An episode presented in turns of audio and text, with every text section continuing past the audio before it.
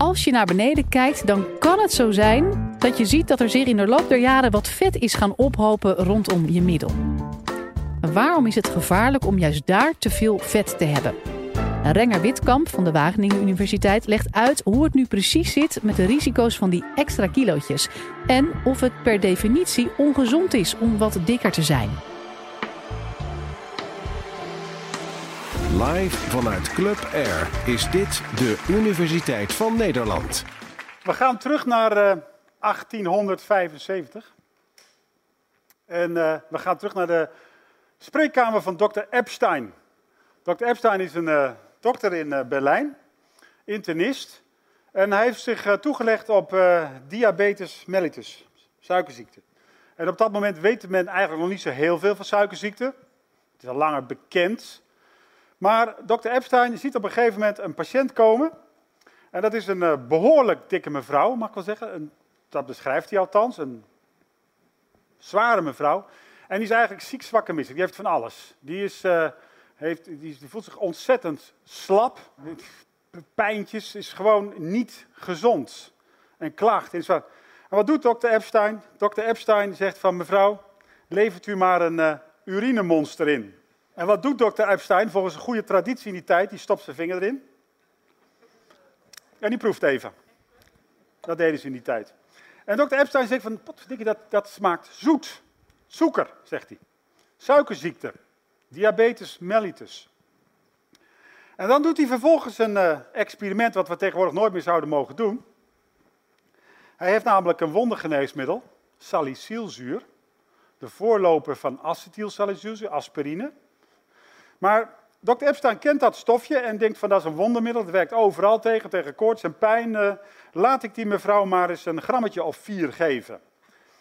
En één tablet is normaal 500 eh, milligram, dus hij geeft die mevrouw meteen acht tabletten of zo.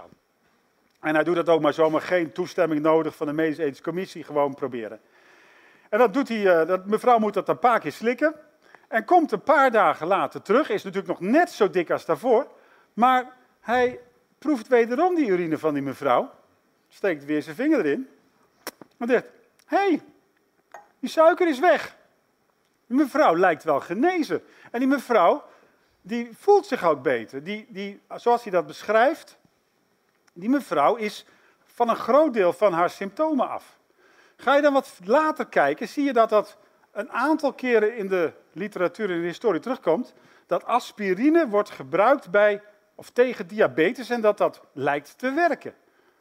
Dat is vreemd, hè? zo kennen we aspirine, tenminste de meesten niet, hè? aspirine bij suikerziekte. Nou. Maar wat laat dat zien? Dat uh, aspirine, dat is een ontstekingsremmer. En kennelijk hè, speelt bij diabetes een ontsteking een bepaalde rol. En ik ga in dit college laten zien dat die ontsteking vooral ook een rol speelt bij overgewicht. Nou, allereerst de vraag van ja, wat is overgewicht? Wat is te dik? De heer Bikker, heer van Engelenburg, dus, uh, hangt het Rijksmuseum, 1639. Nou, de boodschap is natuurlijk, te dik, moeten we ontzettend mee oppassen. Te dik bestaat niet, we moeten vooral niet stigmatiseren. En ik wil in dit college vooral overgewicht en vet zien als een medisch probleem. He? Maar nog even kijken van, ja, wanneer, wat, wat noemen we nou dik, wat noemen we overgewicht? Nou, u kent waarschijnlijk BMI, Body Mass Index. dat is uh, het gewicht gedeeld door de lengte in het kwadraat. En dat is een grove maat om aan te geven of jij in een goed gewicht zit, of je misschien te zwaar bent, of je veel te zwaar bent. boven de 25 wordt gezegd van nou, dan heb je overgewicht, en boven de 30 dan ben je obese. Moeten we wel even, belangrijk is dat dat gemiddelde zijn dat dat vooral alleen maar voor volwassenen geldt en dat het alleen maar geldt in onze streken. Maar goed, globaal. Eigenlijk zou je omtrek, middelomtrek moeten nemen. En dan moet je kijken van, nou, bijvoorbeeld bij, bij mannen ligt het boven de 94 centimeter, vrouwen boven de 80 centimeter. Het BMI. En als we nou eens kijken naar de ontwikkeling van overgewicht in Nederland. Hier zie je de ontwikkeling per provincie. Hier zie je in eerste instantie overgewicht, dus BMI boven de 25. En dan zie je langzaam maar zeker hè, Nederland dikker worden. En dan hebben we ook een plaatje met uh, ernstig overgewicht. Dat zijn de mensen met een BMI boven de 30. En dat zie je toenemen. Hè, dus dat weet u natuurlijk, met z'n allen gemiddeld, inclusief ikzelf, van mijn BMI ligt ook boven de 25, moet ik eerlijk toegeven, uh, worden we te zwaar. En wereldwijd is dat een groot probleem. Hè? Op dit moment zijn er meer dan 2 miljard mensen op deze wereld te zwaar. En van die 2 miljard hebben de 600 miljoen zijn obese, hebben ernstig overgewicht. Het wordt dus echt een pandemie genoemd, een hele grote ziekte, met miljoenen doden tot gevolg. Nou, wat het gevolg is van overgewicht, dat weet u waarschijnlijk. Hè? Een groter risico op hart- en vaataandoeningen, diabetes, gewrichtsproblemen, Alzheimer of laten we zeggen dementie, bepaalde vormen van dementie op latere leeftijd, kanker en een heleboel meer dingen. Ik zeg altijd risicofactoren. Want heb maar altijd mensen van, ja, maar ja, die, die was veel te dik en die is 90 geworden. Ja, dat kan. En, het, oh, ja, en dus die was heel dun en heeft toch diabetes type 2. Dat kan. Het gaat om risicofactoren, maar ze dragen wel aanzienlijk bij het risico.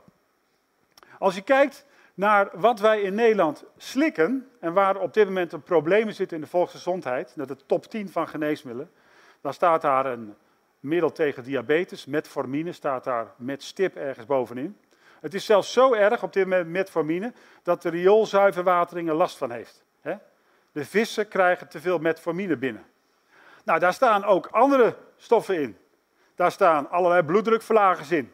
Voor een groot deel te wijten aan slechte levensstijl, waaronder overgewicht. Daar staan uh, statines in tegen cholesterol. Nou, ik zal je straks laten zien dat, dat misschien dat cholesterol eerder een gevolg is dan een oorzaak. Daar denkt men steeds op.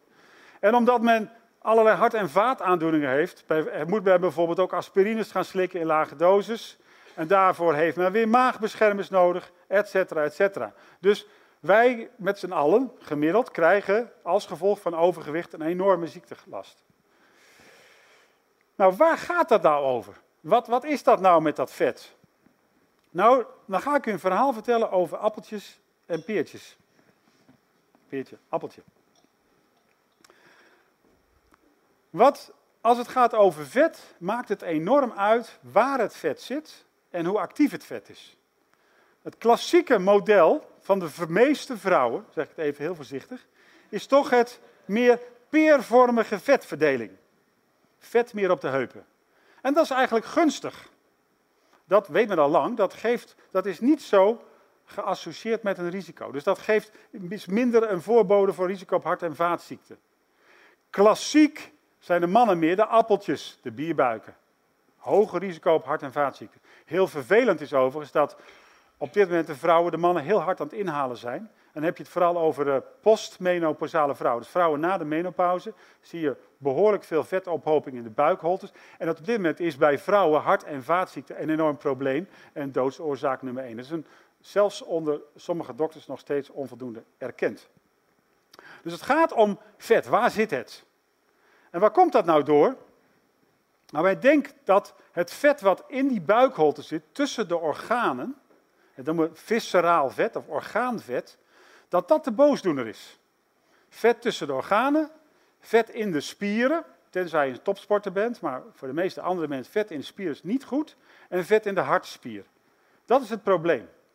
En waardoor komt dat nou? Nou, men denkt dat dat vetweefsel ontstoken raakt. Dan denk je, ontstoken? Dat ken ik van een zwerende vinger. dat is pijnlijk, dat is rood en dat klopt.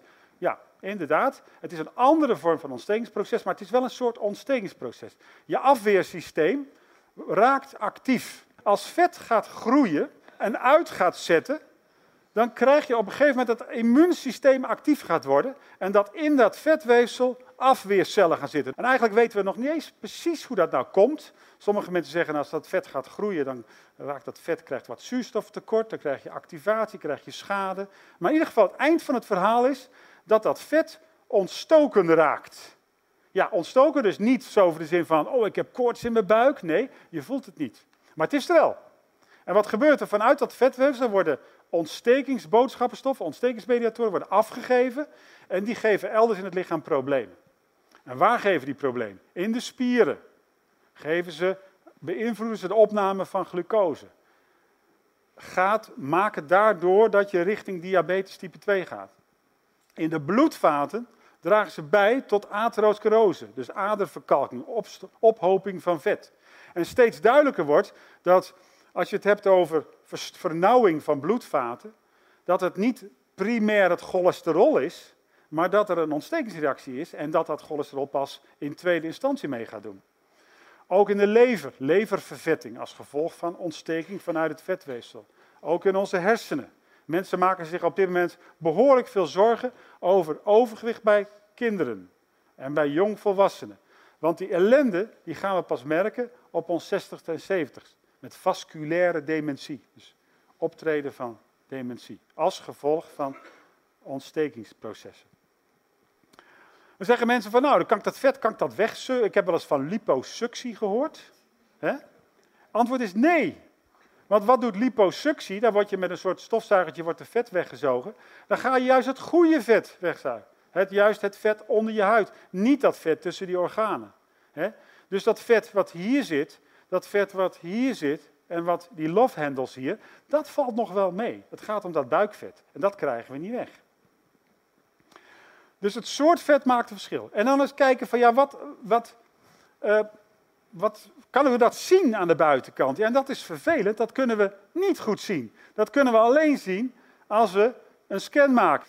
En die persoon die uh, kan best wel gespierd zijn, kan zelfs een hoge BMI hebben, maar die is, dat heet wel thin inside. Die kan zelfs fat outside zijn, dan heet die wel een FOTI. Fat outside, thin inside. Dus vet levert een ontstekingsreactie. En dan komt die dokter Epstein weer terug. Hè? Dokter Epstein revisit het, want Epstein zag al van, hey, ontstekingsreacties spelen een rol bij het ontstaan van diabetes. Hè? En het bestrijden van ontstekingsreactie zou een bijdrage kunnen leveren tot het verminderen van het risico. Op dit moment zie je dat heel veel nieuwe geneesmiddelen die gebruikt gaan worden voor hart- en vaataandoeningen en diabetes, inderdaad ook ontstekingsremmende effecten hebben. Dus ik ben er echt heel erg mee bezig op dit moment. Wat kun je daar nog meer aan doen? Wat zou je kunnen doen? Nou ja, kan je die ontstekingsreactie kan je die remmen? Uh, enigszins. Enigszins. Bewegen lijkt heel gunstig te zijn. En wat lijkt te zijn, dat bewegen inderdaad een verlaging geeft van die ontstekingsreactie. Het is geen absolute garantie, maar het is wel belangrijk. Andere factoren. Voldoende slaap. Minder stress. Hè? Uh, zorg voor een goed dag-nachtritme. Dat zijn allemaal dingen die die ontstekingsgraad verlagen. Al met al heeft leefstijl wel degelijk een effect. Naast afvallen. Hè? Dus afvallen blijft belangrijk, maar leefstijl ook. Nou, dan is er nog heel het kort iets over een nieuw type vet, wat heel erg in de belangstelling staat. Is namelijk dat bruin vet. Misschien wel eens over gehoord. Bruin vet is een bepaald type vet, wat bij ons volwassenen heel weinig voorkomt. Het komt wel voor bij baby's. Uh, en dat komt bij voor bij dieren die een winterslaap houden. Dat is namelijk een vet wat heel erg betrokken is bij energie vrijmaken. Dus heel actief vet. En wat men nu heeft gevonden, misschien heb je er iets over gelezen, dat mensen toch een paar stukjes bruin vet in het lijf hebben. En men is nu heel erg bezig, kunnen wij wit vet tussen die organen, kunnen we dat omzetten in bruin vet? Want dat vet verbrandt meer en dat leidt tot een verlaagd risico. Nou, een van de dingen die je kan doen, is die thermostaat lager zetten. Je hoeft niet allemaal Iceman te worden. Maar als je je thermostaat, lijkt het nu dat je thermostaat een klein beetje lager zet. Dus als je gaat leven bij 17, 18 graden in plaats van 20, 21 graden. Dan lijkt dat dat je meer bruin vet gaat maken en dat dat witte vet verdwijnt, enigszins. En natuurlijk is de farmaceutische industrie ook heel erg actief, maar ze hebben de oplossing nog niet. Dus het hangt er een beetje vanaf hoe je dik definieert. Kijk waar het vet zit, maar probeer wel te voorkomen dat je te veel vet in je buikholte krijgt. Wil je nou meer afleveringen van de Universiteit van Nederland horen? Check dan de hele playlist en ontdek het antwoord op vele andere vragen.